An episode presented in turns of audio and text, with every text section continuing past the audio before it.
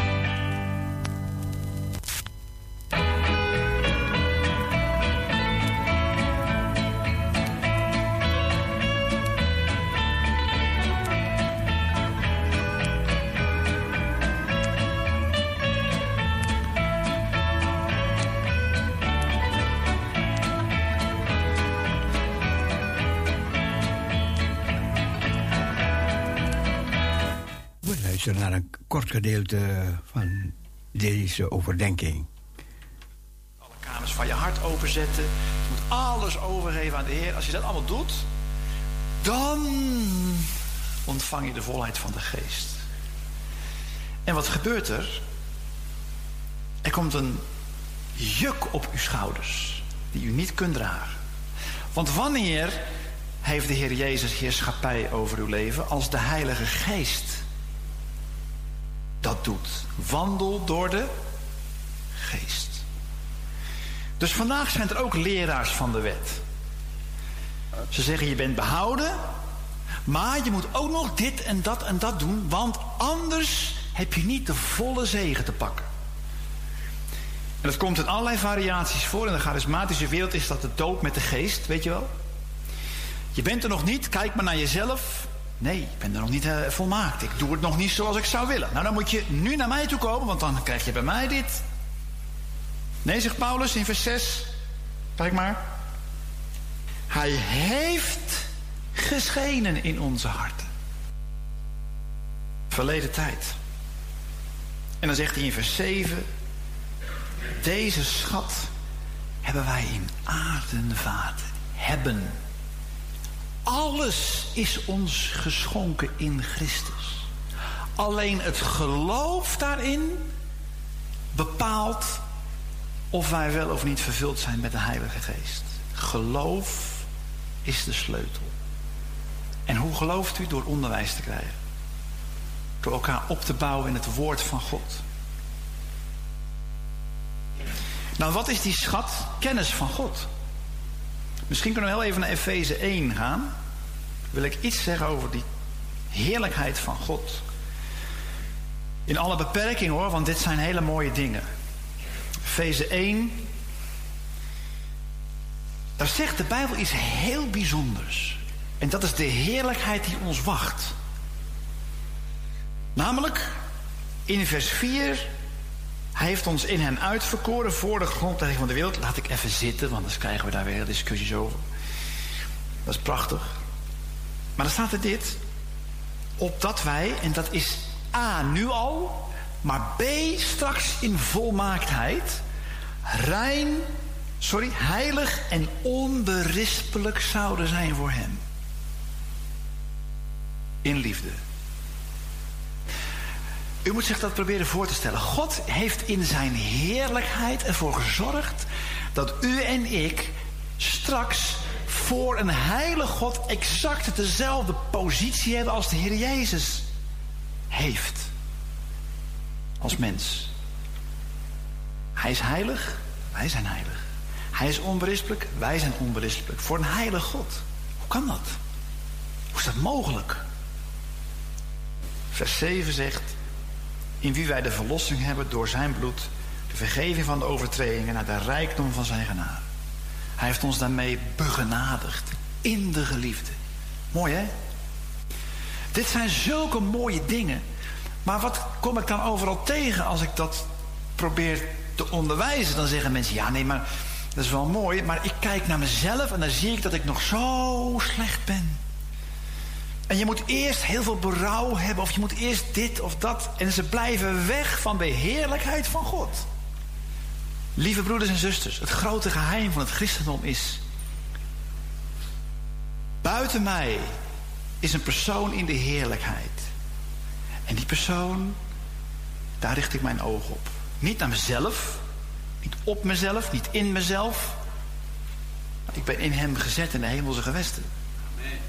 En, zegt vers 5 van Efeze 1, hij heeft ons van tevoren bestemd tot het zoonschap. En dat betekent dat wij straks niet alleen alles zullen beërven, maar dat wij het hart van de Vader mogen kennen. De Vader zegt, luister, ik heb een gezelschap, ik ga hen mijn heerlijkheid laten zien. En dat is dat ik hen verbind met mijn zoon. Dat hij boven alle dingen gesteld wordt. In de hemel en op de aarde. En zij zullen die positie met hem delen. Ze waren zondaar, dood. Maar ik heb ze door het werk van mijn zoon in de heerlijkheid gezet die mijn zoon heeft. Vader, de heerlijkheid die ik bij u had voor de wereld was, heb ik hun gegeven. Nou, dat is geweldig toch? De heerlijkheid van God betekent, hij heeft ons in zijn zoon aangenaam gemaakt. Helemaal geschikt voor zichzelf. Heilig, maar ook, ik ga jullie mijn geheim vertellen. Het voornemen van mijn hart. Deze wereld straks, zal straks gevuld zijn met de heerlijkheid van de Heer Jezus. Het heelal zal straks gevuld zijn met de heerlijkheid van de Heer Jezus. Weet je, en jullie zijn het middel daartoe. Is dat niet geweldig? En Paulus terug naar 2 Korinthe 4 zegt... Deze schat heb ik in aarde en water. Wij, de apostelen. Wij verkondigen overal de Heer Jezus Christus. Punt. En luister nou niet naar die mensen die de wet brengen. Want in hoofdstuk 3, nogmaals, legt hij dat helemaal uit. Dat contrast tussen de wet en de bediening van de geest. De bediening van de geest is jou richten op de Heer Jezus. Zo simpel is het. En als de geest in de gemeente werkt, dan ga je niet zoken of op de grond vallen of weet ik wat allemaal. Nee, dan ga je de Heer Jezus zien. Dan gaat het niet om jezelf of om jouw gevoel of om jouw beleving, maar dan ben je samen in bewondering voor Christus. Dat doet de Heilige Geest. Opdat er aanbidding is en lofprijs en bewondering tot vreugde van God de Vader. Maar ja, hij zegt er ook bij, in aarde en vaten, dat geldt ook voor ons. Want de apostelen zijn er wel niet meer, maar u heeft ook een bediening in deze wereld. U mag op uw eigen plekje ook iets van de vrijheid van de geest brengen.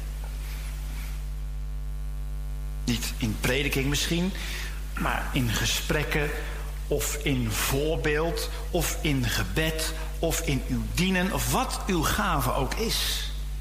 En dan mag u uit dit stukje leren dat voordat de heerlijkheid komt, u nu al met gebroken aardevaten zit, uw lichaam. En dat uh, noemt Paulus in vers 11, dat lichaam, het sterfelijk vlees.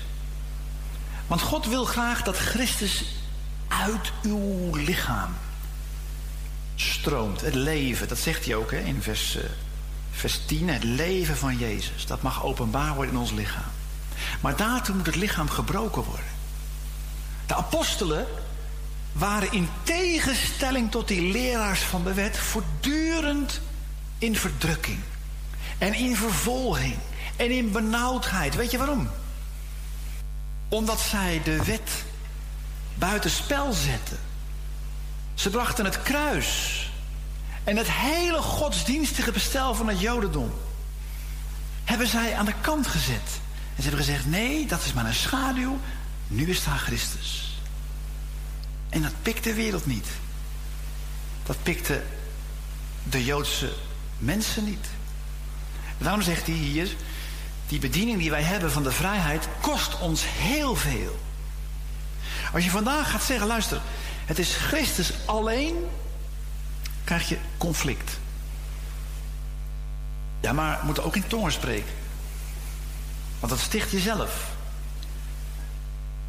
Oh ja? Maar waarom zegt hij dan wie profiteert? Is meer. Waarom is dat meer? Omdat profiteren betekent over de Heer Jezus spreken. En wanneer wordt een gemeente opgebouwd? Als ze zicht krijgt op Hem. Als je dat zegt, krijg je conflict. Want mensen willen toch altijd graag een beetje van de wet en een beetje van de genade. Wat zegt Paulus nog meer? Kijk maar mee. Wat was nou dat aardevat in alles verdrukt, vers 8? Terwijl de leraars van de wet hadden geen verdrukking. Zij wel. Maar niet benauwd, want ze hadden inwendige schat. Ik hoop dat dat voor u en voor mij ook geldt. Misschien kent u ook wel een tijd van verdrukking. Maar dan mag u weten, als u de Heer Jezus kent, ik ben niet benauwd. Het is soms moeilijk, maar ik ben niet benauwd. Geen uitweg ziende, zegt hij dan. Maar niet geheel zonder uitweg. Vervolgd maar niet verlaten.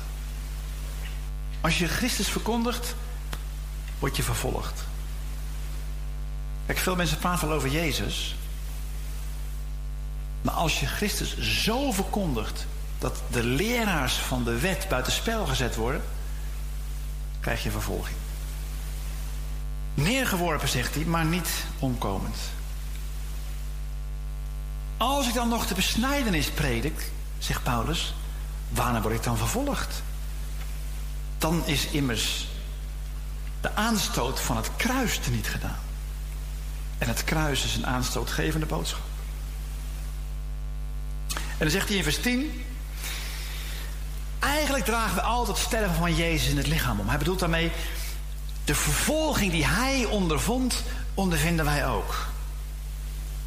Opdat ook het leven van Jezus in ons lichaam openbaar wordt. En hij zegt in vers 7 opdat de uitnemendheid van de kracht van God is en niet uit ons. Leraars van de wet komen met hun eigen prestaties. Ik vast zoveel. Ik geef zoveel aalmoezen. Ze roemen in zichzelf. Matthäus 6. Maar de apostelen. Ze werden vervolgd en verbroken. En dat geldt voor ons ook als wij Christus willen uitdragen. En dan zegt hij vers 15, kijkt u even mee. Zo mooi. Dit is het kenmerk van een bedienaar van de genade. Hij zegt dan, want alles is ter wille van u. En dat is exact de geest van 1 Korinthe 14. Tracht dan uit te munten in de stichting van de gemeente. De genade zorgt ervoor dat je de ander op het oog hebt. Terwijl de wet zegt, kijk hoe ver ik al ben. De genade is de liefde van God. Als je die schat in aarde vaten hebt, als je de Heer Jezus kent, dan wil je zo graag dat een ander hem ook kent. Toch? En dan is jouw bediening ter wille van andere mensen. Niet van jezelf, maar voor de ander. En daarom zegt hij hier zo mooi, want alles is ter wille van u opdat de genade toegenomen door de velen, de dankzegging overvloedig doet zijn tot, krijgen we weer het woordje heerlijkheid. De heerlijkheid van God. Mooi hè? En hiertoe werd het vat, het lichaam van Paulus en de apostelen verbroken. En dan zegt hij in vers 14, straks zullen wij met jullie voor hem staan. dan wordt duidelijk wat de vrucht is van mijn bediening. U zult straks ook voor de Heer Jezus staan. Ik ook. En er wordt duidelijk wat de vrucht is van uw bediening, uw dienst, uw plek in de gemeente. Of u heeft met goud en met zilver en met kostbaar gesteente gearbeid. Dat betekent dat u iets van Christus in uw gezin bracht, of in uw gemeente, of aan uw vrienden, of in uw Bijbelkring, of waar dan ook. Of u werkt met hout en met hooi en met stro. Dan ben je met de wet bezig, met menselijke dingetjes. En houdt geen stand. Vers 16. Daarom worden wij niet moedeloos. Waarom niet? Ik zie op het eindresultaat. Op de heerlijkheid die komt. Misschien bent u ook wel een beetje moedeloos. Ik heb geleerd in mijn werk. Toen ik net begon, 20 jaar geleden kwam ik in een zaal binnen en dacht ik, hé, er zitten er maar 15. Jammer zeg. En de week daarna zitten er 100 of 200. Ah, leuk. Maar daar gaat het helemaal niet om. Het gaat erom of die 15, of die 3, of die 2, of die, hoeveel het er ook zijn. Als die nou tot eer van de Heer Jezus straks zijn, als Hij komt, dan is het doel behaald, toch? Daar gaat het om. En daarna worden wij niet moedeloos, zegt Paulus, wij de apostelen. We hebben zoveel tegenstand. Maar we doen het allemaal voor jullie. En we worden niet moedeloos, ondanks ons lijden. En wat zegt hij dan? Al raakt ook onze uiterlijke mens in verval, toch wordt ook onze innerlijke van dag tot dag vernieuwd. Hoe dan? Dat je iedere dag meer en meer zicht krijgt op Christus. Ik zei het al, maar het is niet eenvoudig te grijpen. Het geheim van het christenleven is een persoon in de heerlijkheid. En niet in jezelf gaan zitten zoeken, kijken, peuren. Want daar zit het niet hoor. Daar word je nooit gelukkig van. Paulus deed het niet. Hij zei, ik leef door het geloof in de Zoon van God die mij heeft lief gehad en zichzelf voor mij heeft overgegeven. Dan moet jij amen zeggen, toch? Kijk. Nee, maar dat was zijn geheim. Zijn geheim was een hemels persoon. Niet het jodendom, niet de wet. Hij zei, ik ben voor de joden als een jood geworden. Als onder de wet, maar persoonlijk niet onder de wet. Hoewel wettelijk aan Christus onderworpen. En was ik bij de heidenen, was ik als zonder de wet. Maar hij leefde vanuit de hemel. Dat was die schat in de aarde vaten. Dat was een geheim, een groot geheim. Hij zegt in Filippenzen 3: één ding doe ik. Alles heb ik schade geacht en schade geleden van dat jodendom van vroeger. Om de uitnemendheid van de kennis van onze Heer, Jezus Christus. Kent u dat of niet? Dat innerlijke geheim. Dat is wat de Heilige Geest wil doen vandaag in de gemeente. Alle harten richten op Christus. Niet op wel of niet in tongen, wel, of niet dit. Nee, op Hem. Dat is de eenheid van Filippenzen 2. Eén liefde, één stemmigheid, één van de ziel. En dan komt het vanzelf wat er dan volgt. Laat die gezindheid in u zijn, welke ook in Christus Jezus was. Dat is geen wet. Dat is een gevolg. Waarvan? Eenstemmige liefde. Nou, en dan staat er in vers 17, ehm, en dat is eigenlijk de kerntekst van vanavond. Want de kortstondige lichtheid van onze verdrukking. Dat gaat dus over de apostelen, maar u mag het ook op uzelf toepassen. Het leven kent een aantal jaren van verdrukking. Als u een christen bent en u wil Christus in uw leven de eerste plaats geven, dan krijgt u verdrukking. Want allen die in Christus Jezus God vruchtig willen leven, zullen vervolgd worden. 2 Timotheus 3 vers 12. Allemaal. Maar we worden niet moedeloos, want zegt hij, en dat is mooi. De kortstondige lichtheid van onze verdrukking bewerkt voor ons een uitermate uitnemend eeuwig gewicht van, daar hebben we het woord weer, heerlijkheid. Paulus' evangelie is heerlijkheid. En in die heerlijkheid zal God zeggen, in de komende eeuwen zal ik laten zien wat de vrucht van het werk van Christus is. En wat het voornemen is van mijn hart. Mooi hè? En Romein 8 zegt dit. Ik acht dat het lijden van de tegenwoordige tijd niet waard is vergeleken te worden met de toekomstige heerlijkheid die aan ons geopenbaard zal worden. Lieve mensen, u wacht een heerlijkheid die overweldigend is. Gelijk aan de Heer Jezus, maar ook nog eens intiem bij de Vader in zijn huis, voor eeuwig en altijd. Van aangezicht tot aangezicht met de Heer Jezus. Met al die heiligen. Tot één grote vreugde van het hart van de Vader. Weet je, het gaat zo vaak om ons in de gemeente. Maar de Heer Jezus kwam om de wil van de Vader te doen, om Hem te verheerlijken.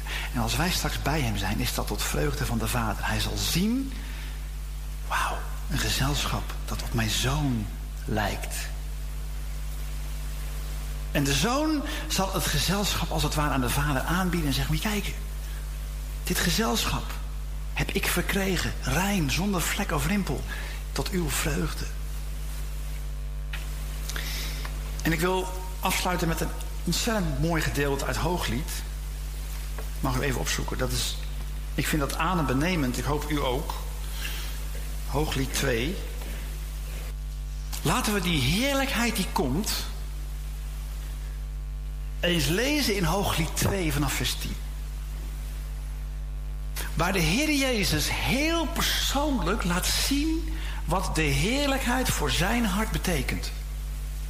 Als de gemeente, de liefste, bij hem is. Er staat dit. Mijn liefste antwoord en zeg het mij tegen mij. Sta op, dat zegt hij tegen ons, mijn vriendin. Mijn allermooiste. Want hij zal de gemeente voor zich stellen zonder vlek of rimpel of iets dergelijks. Toch? Dat zijn wij straks in de heerlijkheid. En als hij komt met zijn roepstem om ons tot zich te nemen, dan zegt hij: sta op en kom. Zie je dat? Kom, zoals tegen Johannes, kom, klim hierheen op. Maar de Heer Jezus noemt de gemeente hier mijn allermooiste. Want alle vruchten die in de gemeente gevonden worden, zijn uit Hemzelf. En dan zegt hij, en dat is zo heerlijk in vers 11, zie de winter is voorbij. Geldt ook voor ons trouwens nu, letterlijk. Maar er komt weer een winter volgend jaar, denk ik. Nou, er komt voor de wereld nog wel een winter dan. Ja. Maar de geestelijke winter is dan voorbij. Als we bij Hem zijn, zijn al die verdrukkingen van 2 Korinthe 4... de kortstondige lichtheid van onze verdrukkingen, de winter is voorbij. De regentijd is over. Helemaal voorbij gegaan. Ziet u daarna uit of niet?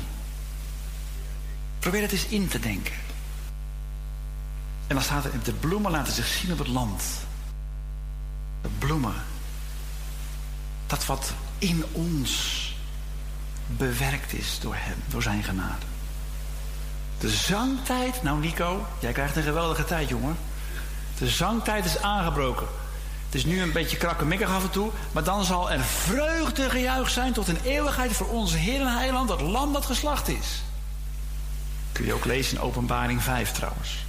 Het koeren van de tortelduif wordt in ons land gehoord. Tortelduif is een beeld van een dier wat de liefde symboliseert. En onze harten zullen in liefde tot Hem uitzien. De heerlijkheid straks. De vijgenboom brengt zijn jonge vruchten voort. De bloeiende wijnstokken geuren.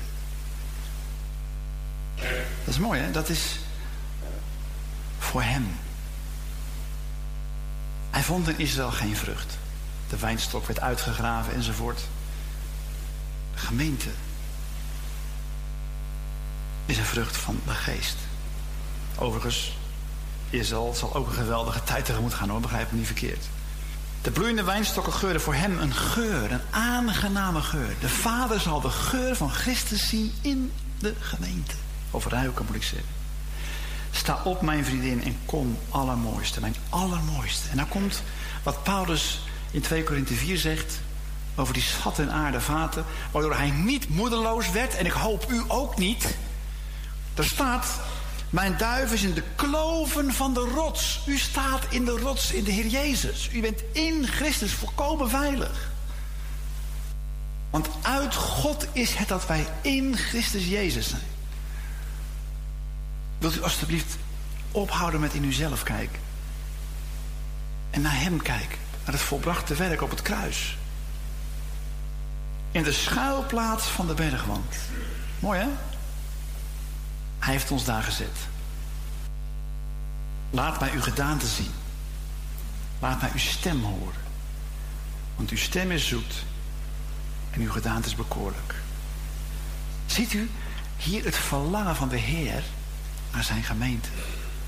Wij draaien het vaak een beetje om. We zeggen ja, ik verlang naar hem. Prima.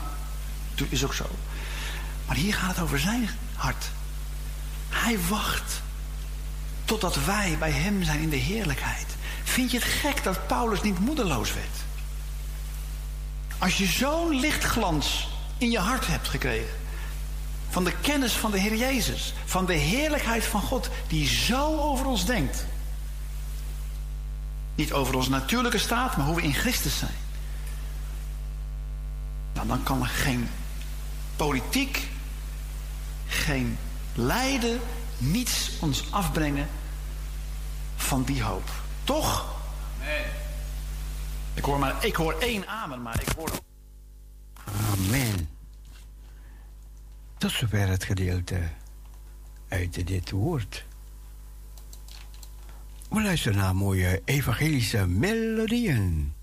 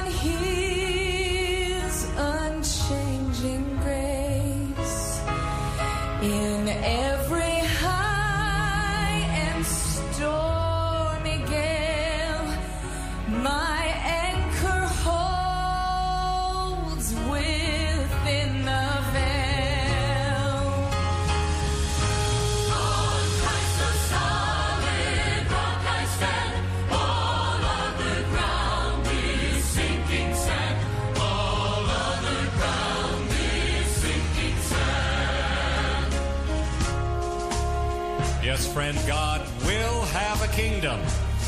Amidst Earth's terrible storms and the sounds of war and the cry of a small child beneath the rubble of an earthquake. Even when demons and angels sense that time can't last much longer, God will have a kingdom. Listen, when you and I come together like this to sing and praise and worship, we join angels and principalities and powers and Old Testament saints and New Testament church of the firstborn to be let it be known we're a part of Zion. We're a part of God's church. And one day a small black cloud appears, drawing near the earth, becoming lighter and more glorious. The people of God know this is the sign. Jesus comes, mighty conqueror, King of kings, Lord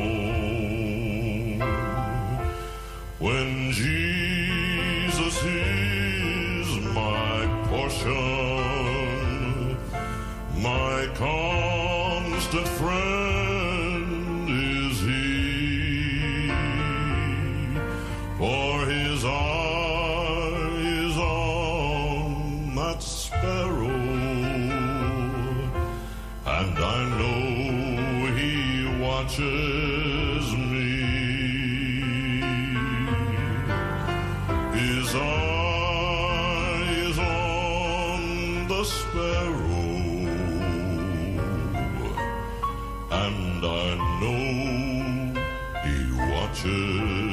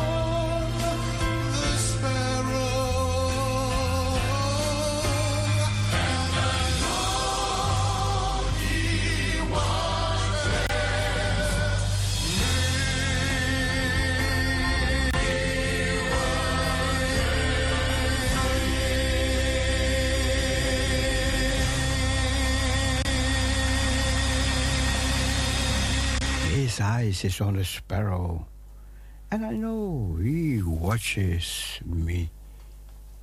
Oh, praise God.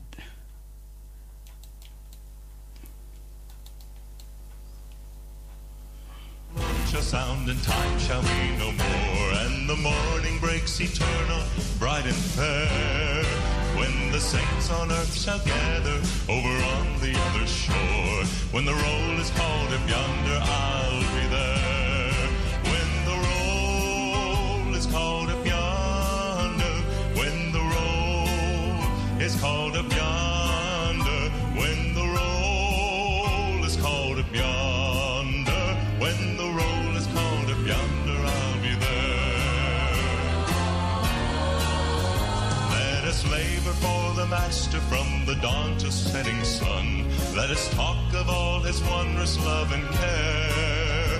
Then, when all of life is over and our work on earth is done, when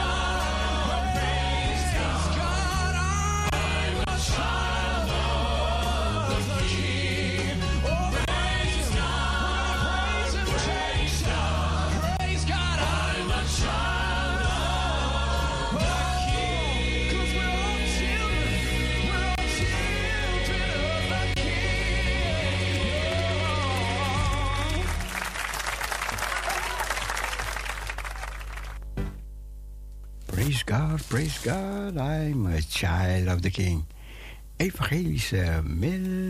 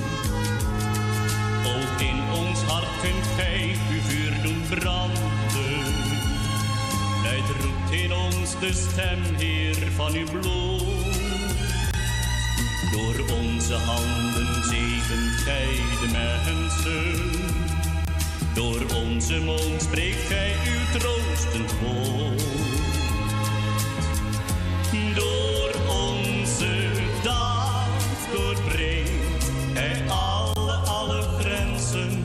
Door ons gebed overwinnen. Door onze daad doorbreekt hij alle, alle grenzen. Door ons gebetrek.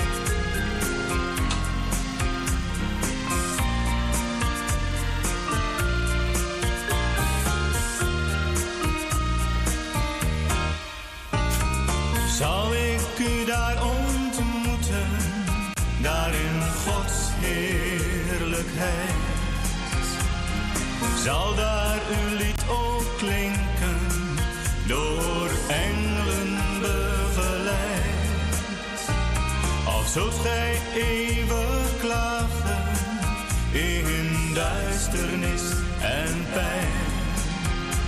Ik wil u ernstig vragen, wat zou uw toekomst zijn? Ik wil u ernstig vragen, wat zou uw toekomst zijn? Wees wijs en kies voor Jezus, hij maakt gans uw leven zal uw lied ook klinken door engelen begeleid. Dan zal ik u ontmoeten, daar in Gods heerlijkheid. Zal ik u daar ontmoeten, daar in Gods heerlijkheid. Zal daar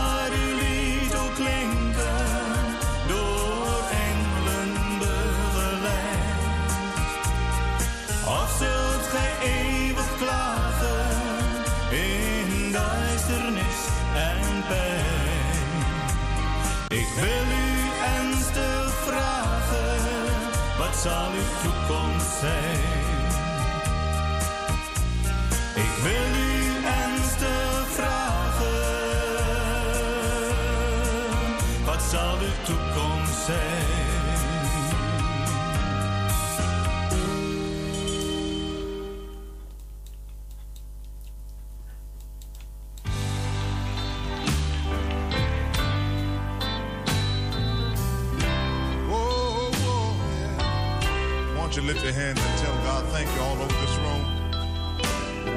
it is to know Jesus.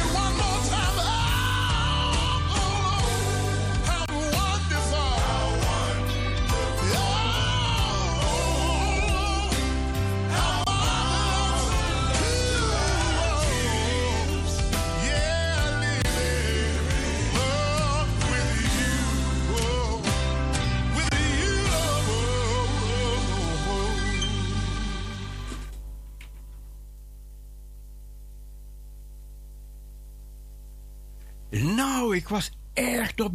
Ik had de deuren opengelaten. En ik heb nog nooit zoveel muggen binnen gehad. Wat? Ik was echt op de muggenjacht vannacht, vanavond. Ah, jongen, jongen. Nou, er zijn niet veel overgebleven. We gaan luisteren naar het gebed dat de Heer ons heeft leren bidden. En de Heer zegt, als je bidt, bid alles.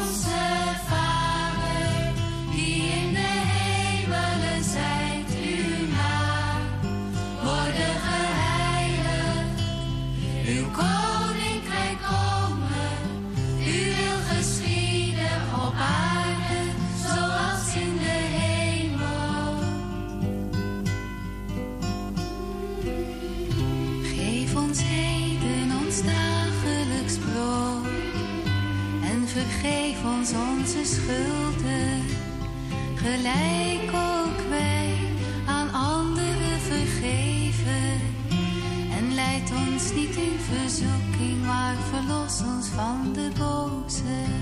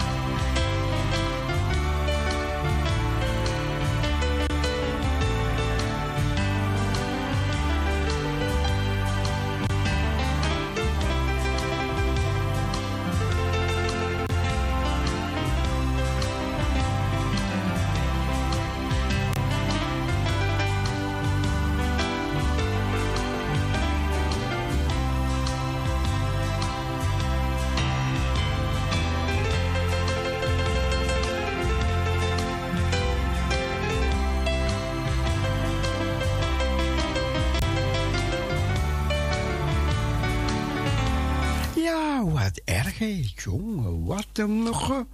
Wat gaat gebeuren vannacht? Ik ga ze allemaal uitroeien, deze dingen. maar goed, dan slaap ik niet. Oké.